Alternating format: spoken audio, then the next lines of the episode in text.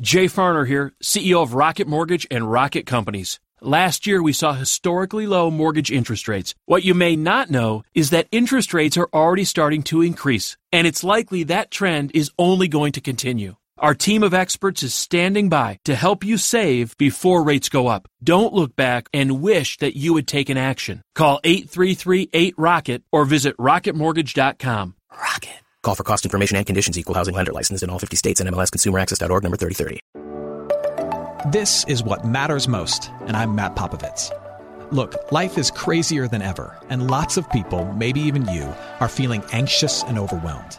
Today's message is designed to help you figure out what's most important and to experience the peace and joy that God intends for you. Because life is a gift, and it shouldn't be wasted on worry. I'd like to give you a resource, something to help you navigate the road ahead. Just go to mattpopovits.com, click on the icon, and we'll send it to you. That's Matt, P-O-P-O-V-I-T-S dot com. And hey, if you happen to live in the Houston area, I'd love to see you on a Sunday morning at St. Mark in Spring Branch. Head to stmarkhouston.org to plan your visit. Here's today's message. Thanks for listening. So, this morning we're continuing our Advent teaching series entitled Great Expectations. Uh, in this series, in these weeks leading up to Christmas, we're looking at the birth of other people in the scriptures, other people in history, and we're seeing how their birth and, and the parents uh, expecting them to arrive, how that points to the birth and the arrival of Jesus. Because believe it or not, uh, especially if you're new to Christianity, what you might not know is that we believe that the whole story, all the stories, all the threads that we find in the scriptures, they're all connected together and they actually flow to and from Jesus.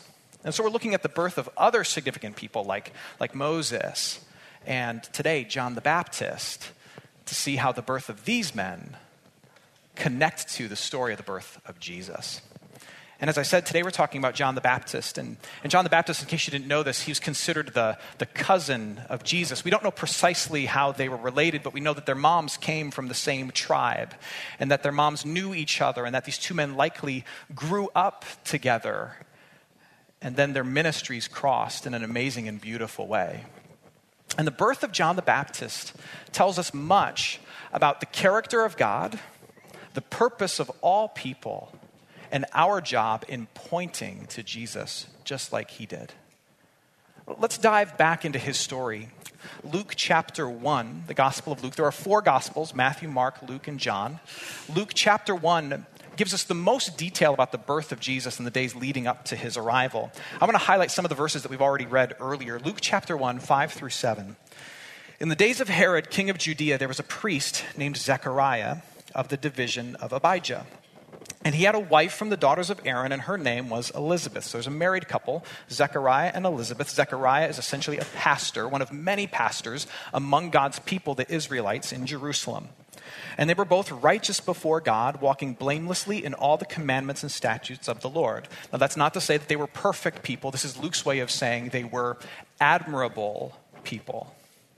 But they had no child because Elizabeth was barren, and both were advanced in years. Uh, one day, Zechariah, this, this old priest, this really old pastor, was working in the temple. They took turns working in the temple. Based on the tribe that you were a part of, you worked in different seasons. And at like high holy seasons, everybody got called in. Like everybody had to do overtime. And so Zechariah was called in, and, and his number was chosen to do very special work. There were thousands of priests, but at any given time, only one priest was able to enter the most holy area. And so Zechariah's name was pulled, chosen at chance, so it seemed, to go into the holiest of holy areas in the temple. And this is a big deal for Zechariah. We get a sense that maybe he's never done this before. So he gets to do the most noble task of all the priests, and he goes into the holiest of holy areas all by himself. And when he's in this holy area in the temple, Luke tells us that an angel, the angel Gabriel, appears to Zechariah and says to him, Zechariah, guess what? You, in fact, are going to have a son. This is a very similar storyline. We see this other places in the scripture. Someone who thought they couldn't have a child, like, say, Abraham, is told by an angel, You are going to have a child. So if you're up in years, just don't be too surprised, okay? This happens. The angel says to Zechariah, You are going to have a son, and you're going to name him John. You know why you're going to name him John? Because John means God is gracious, and God is going to be gracious to you. Now, in that whole exchange, what, what stands out to me every time I read it is this phrase that Luke gives us Luke chapter 1, verse 13. These are the words of the angel to Zechariah. He says, Do not be afraid, Zechariah, for your prayer has been heard. Now, it's easy to gloss over those words, but they're beautiful words. Do not be afraid, Zechariah, for your prayer has been heard. Think about this for a moment. Zechariah is one of 18,000 priests at that time.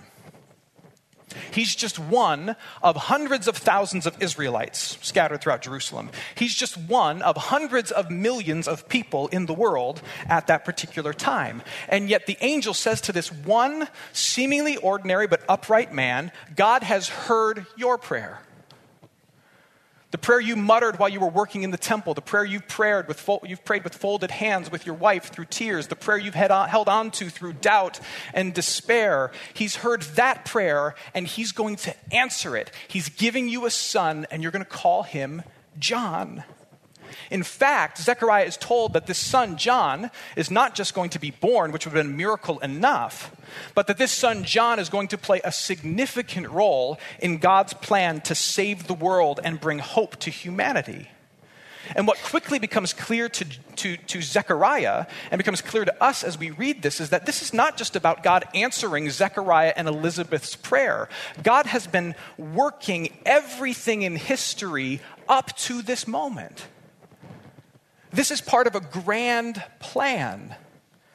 God has been massaging every moment in the lives of every human being over millennia toward this particular point in history. You see, if you, if you look all the way back at the beginning of scriptures, in the, in the book of Genesis, the, the beginning of the Christian narrative, you see that shortly after Adam and Eve reject God and press against his rule in their life and usher in all that's broken in this world, shortly after that, like moments after, God gives a promise. It's called by scholars the proto evangelion, which is Latin for the first good news. Right after Adam and Eve sin and ruin the world, God gives a promise. And the promise is this He says, in really broad terms, He says, Someday a woman will give birth to a boy who will crush evil. Someday, a woman will give birth to a boy who will crush evil. And then later on in Genesis, you see Abraham is pulled to the side, and God, and God tells him, You're going to lead a people from whom this Savior will come. And Abraham has two children. He has Isaac and Ishmael, and God says, Hey, it's going to come through Isaac, not Ishmael. And then Isaac has two sons, and God says the Savior is going to come through Jacob, not Esau. And then Jacob has 12 sons who grow into 12 tribes, and God comes again and says, Hey, this Savior we've been waiting for since Genesis chapter 3, this Savior is going to come through the tribe of Judah, not any of the other tribes. And then hundreds of years go by, and the prophets begin speaking again, and they say, Hey, this Savior that's going to come through the tribe of Judah, it's going to come through the line of David in the tribe of Judah. And then hundreds of years go by again. And the prophet, this time Isaiah, says, Hey, this, this Savior who's supposed to come through Abraham, through Isaac, through Jacob, through Judah, through the line of David, this prophet is going to be born in the backwater town of Bethlehem in the territory of Judah. That's actually the prophet Micah who says that. And then Isaiah speaks up and says, Hey, this, this Savior who's going to be born as a descendant of Abraham, Isaac, Jacob, in the tribe of Judah, of the line of David, in the backwater town of Bethlehem, is going to be born to a pure and devout young girl. And then Isaiah speaks up later and he says, Hey, this Savior from Genesis chapter 3, who's going to come through Abraham, Isaac, and Jacob in the tribe of Judah, in the line of David, in the backwater town of Bethlehem, to the pure and innocent girl who's going to give birth, before that baby arrives, another man's going to show up, and another man is going to show up, and his whole job, and his whole task, and his whole life is going to be to say this The baby's born. The one has come. The one is here. And Zechariah says to John, That man who comes before the man we've been waiting for, that man is your son. That's going to be your son, Zechariah, and his name is John. And Zechariah all of a sudden is confronted with this idea that this God that he's been worshiping, he now knows something more about. He knows that this God he's been worshiping holds all of history in his hands and listens to Zechariah's heart. That he does both these things. He holds all of history in his hands, and he has his ear to Zechariah's heart, and he's working all of it together the prayers in Zechariah and Elizabeth's heart, and the plans he has to rescue the world. He's bringing all of it together for his glory and Zechariah and Elizabeth's good. That's beautiful. And yet, apparently, if you're Zechariah, it's very difficult to believe.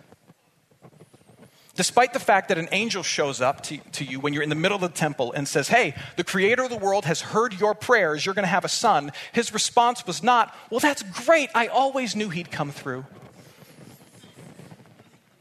His response was, uh, I'm not so sure. I'm really old. Uh, his refusal to believe didn't really sit well with God.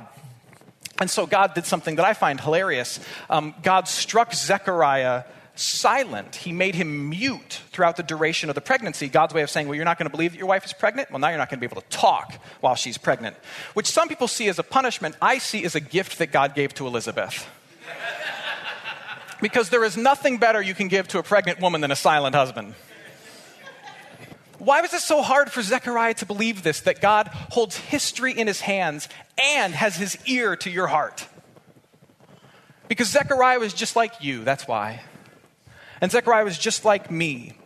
For many people, the most difficult thing to believe in the world is not that God exists, but the most difficult thing to believe in the world is that God cares all of history, your history, my history, your stories and struggles and blessings, and my stories and struggles and blessings, every human's stories and struggles and blessings are all in his hands, right?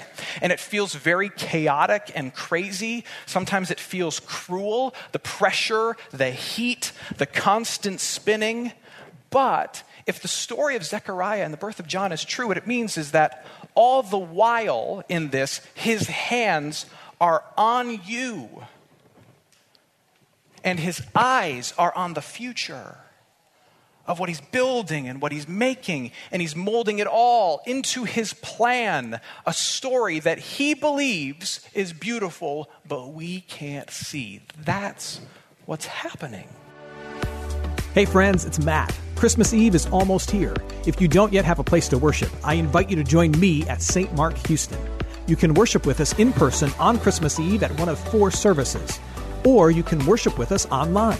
We have a special celebration streaming every hour on Christmas Eve. To catch the live stream or for more info on worshiping in person, head to htxchristmas.com. That's htxchristmas.com. Now back to today's program. Back to John. John says that um, uh, uh, John was born, the angel says, uh, for a specific task. The specific task that John was born for was to prepare the world for Jesus.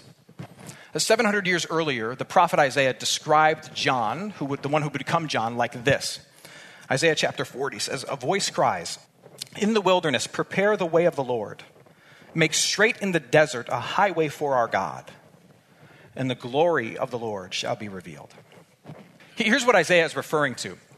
In the ancient world, when a king, a literal king, would go out, uh, to visit a town, he would send a herald ahead of him. And the herald would go into the town ahead of time and say, Hey, the king is coming. Make your roads ready for the ruler. And Isaiah is using that as an analogy. He's saying, so, so John is going to come, and his job is to announce, get the road ready. The ruler is about to arrive. Only don't prepare a road, that's a metaphor. Prepare yourselves. Confess your need for grace. Be honest about your issues. Tidy up the road of your heart so the king can enter in. Make clear a road of confession because this king, when he comes, brings an entourage of mercy and grace and forgiveness. So clear away the brush in your heart. Admit your need for love and mercy and forgiveness so that when this king arrives, you can receive him. When John comes, that's what he's going to do. He's going to prepare hearts and minds for Jesus. He, he, was a, he was a bug eating, cave dwelling man who would exit the woods and he would preach this, this kind of offensive but deeply intriguing message where he boldly called out the rich who were robbing the poor, the strong who were violating the weak. And he invited everybody, everybody who could hear him, he invited everybody to come and confess their need for mercy and grace and be baptized in this river. And they did by the thousands, by the thousands. Because the words that he spoke tore through people's hearts. The words he spoke tore through people's hearts and opened their eyes to their own evil, swept away their denial that told them they were a good person, and it revealed this really rich soil so that when Jesus showed up, Jesus could come and he could plant seeds of mercy and forgiveness mean, John was so hardwired for this task of preparing people for Jesus and pointing people to Jesus that Luke tells us he did it even before he was born. Luke tells us that Elizabeth, John's mom, and Mary, Jesus' mom, they met up to talk about how excited they were about having their kids. And that's what expectant moms do. And so Mary went to Elizabeth's house, and upon hearing Mary enter the house, Mary, who was carrying the unborn Jesus in her belly, entered Elizabeth's home, and the unborn John, hearing Mary come in, leapt in Elizabeth's womb and gave her a giant kick as if to say, Hey, you ready? Because he's here. Now, here's where it gets interesting. If you are here as a Christian, and maybe you're not, if, if, if so, that, that's totally fine. This, is, this will be an interesting thing for you to learn about Christians and Christianity. If you are here as a Christian, did you know that in a broad sense, you have the same job as John the Baptist? John's whole life existed and was dedicated to drawing people to Jesus. I mean, he had a, he had a big following. And he was asked constantly, because he was preaching this, this message that grabbed a hold of people's hearts, he was asked constantly, So are you the one we're waiting for? And he would say every time, No, no, no, someone greater is coming. It's not about me, someone greater is coming. Luke chapter 3, as the people were in expectation, and all were questioning in their hearts concerning John whether he might be the Christ. John answered them all, saying, I baptize you with water, but he who is mightier than I is coming, the strap of whose sandals I'm not worthy to untie. He will baptize you with the Holy Spirit and with fire. What he didn't say is, dot, dot, dot, it's my cousin Jesus, and you're going to love him the Christian faith teaches that once you enter into God's family through faith in Jesus, that your life gets folded into God's plan and God's mission and God's story, like John's life was folded into God's plan and God's mission and God, John, God's story. Only your task is not so much to prepare for Jesus, because Jesus has already arrived. Your task is to leverage your life to point to Jesus in some way. Galatians 2:20 says, "I, this is Paul speaking, I have been crucified with Christ. It is no longer I who live, but Christ who lives in me. And the life I now live in the flesh, I live by faith in the Son of God who loved me and gave himself for me. Once you enter God's family through belief and baptism, you are so connected to Jesus, so cemented into Jesus, that when the Father looks at you, he sees like you and Jesus are one. So now what that means is, if you're a baptized follower of Jesus, when someone looks at me and sees something good in me, or sees the hope and the faith that resides in me, or receives some kind of blessing in me, what's my job? What's my response supposed to be? When they see those things that are clearly the fruit of Jesus in me, my job is to say, Oh, that's not me. There's someone greater. You see the connection to John? That's it. That, that's really it. And look, trust me, I, I, know that, that believing these two things, believing that God listens intimately to your heart and is still acting cosmically and bringing it all together, is hard to believe. And, and, and that embracing this belief that you're now part of that story and that you exist in some small way to point your children and your friends and your coworker, your spouse, point them to Jesus through simple acts of deferring to the one who's greater, just like John did, that that's a hard thing to do. That requires a lot of faith and a lot of boldness, and I'm right here with you. And maybe this is going to be some cold comfort to you, but it's something I think of. At least we have that task, and we are not Elizabeth and Zechariah and Joseph and Mary or John or anyone who came before us. Basically, anyone who was asked to follow God and have faith in God prior to the arrival of the Son of God for the majority of history, people of faith had have to live with their faith in God leading toward Jesus.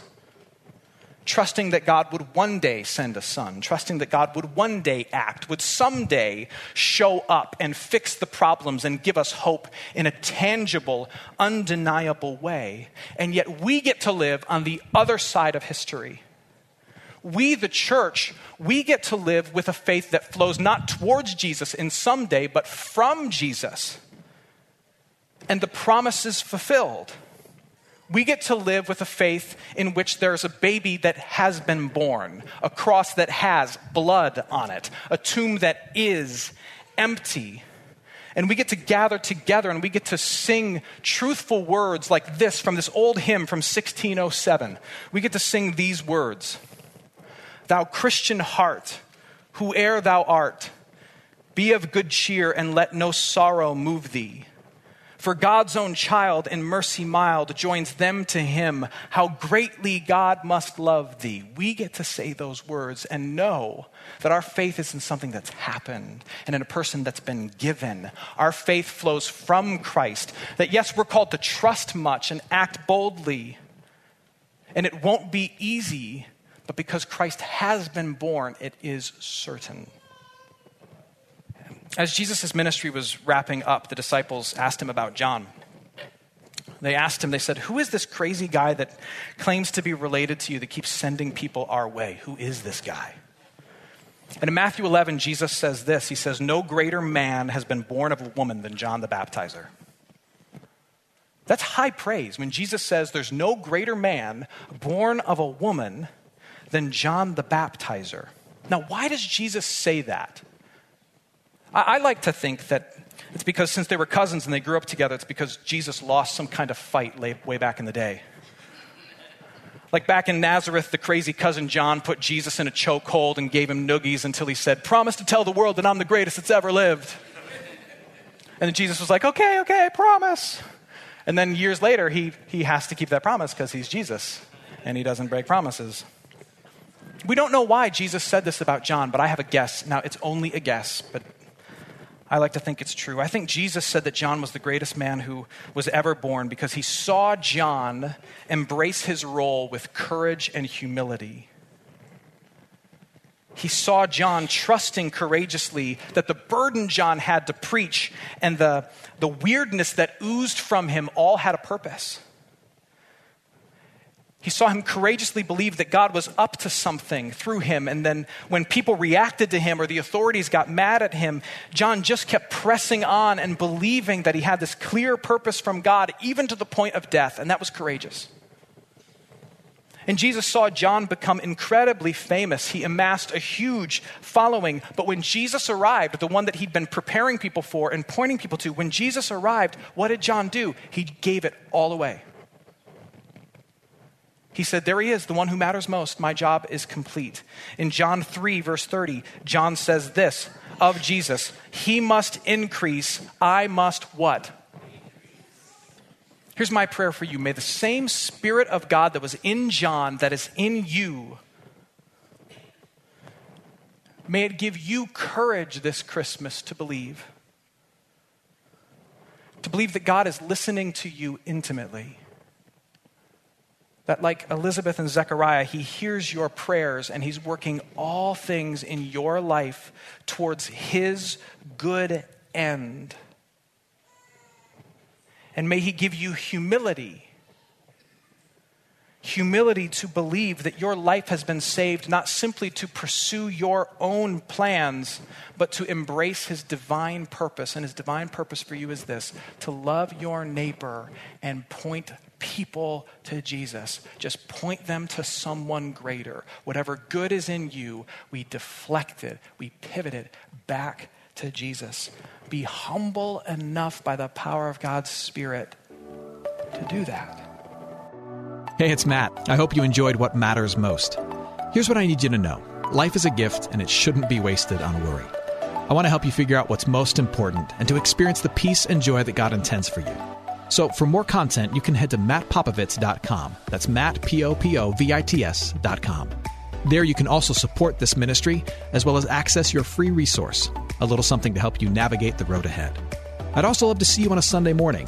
If you're in the Houston area, head to stmarkhouston.org to plan your visit. In the meantime, hit me up on Instagram at mpopovits or at facebook.com slash Matt Popovits Ministries. Thanks for listening. Now go and hold tight to what matters most.